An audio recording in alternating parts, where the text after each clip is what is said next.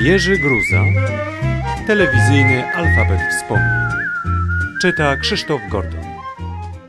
J. Jak siedzieć? Oczywiście przed kamerami, chociaż wolałem uda Moniki Olejnik, kiedy prowadziła swój program w publicznej, od głowy niejednego z jej rozmówców. To istnieje problem, jak przyzwoicie siedzieć w telewizji.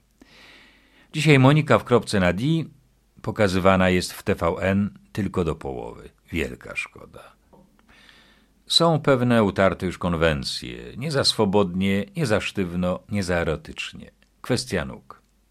Bardzo ważna u kobiet. Mini spódniczki. U mężczyzny krótkie skarpetki obnażające owłosione golenie. Brr. Być swobodnym, a nie przekraczać granic dobrego smaku. Ale gdzie te granice? Kto je wyznacza? Widz czy redaktor naczelny? Powinno się już dawno napisać kodeks występującego w telewizji. Jeden ze świetnych aktorów starszego pokolenia, Czesław Kalinowski, robił młodym aktorom wykłady. Jak siedzieć na krześle czy kanapie, jak wychodzić na scenę i którą nogą do widowni. Nie rozporkiem. Jak obracać się. Broń Boże, nie samą głową, ale całym ciałem i tak dalej. Było to dla wielu śmieszne, ale dla niego święte. Przed laty Bogumił Kobiela w jednym z naszych rozrywkowych programów mówił coś bardzo zabawnego do widzów i nieopatrznie włożył rękę do kieszeni.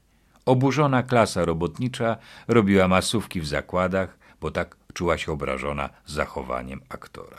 Ówczesny prezes radiokomitetu Włodzimierz Sokorski zmuszony był zawiadomić komitety zakładowe, że Kobiela został ukarany trzymiesięcznym zakazem występowania na ekranie.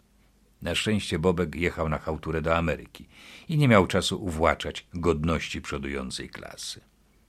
A jakby to było dzisiaj?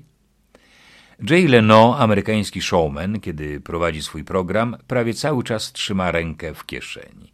Czy u Solorza, Waltera lub Kwiatkowskiego miano by mu to za złe jako przejaw braku elegancji i braku szacunku dla widza? Diabli wiedzą. Ale on, Amerykanin. My mamy dwie miary surową dla swoich artystów i pobłażliwą dla obcych. Ale to już temat do innej rozmowy. Każda epoka ma swoje reguły. Jestem za tym, by je łamać. Monika Olejnik dziś należy do czołówki. Ale już za nią pojawia się awangarda młodych, agresywnych prezenterek, które tak pójdą na całość, że nam starszym oko zbieleje. Niech idą, jak najdalej. To znaczy, jak najkrócej.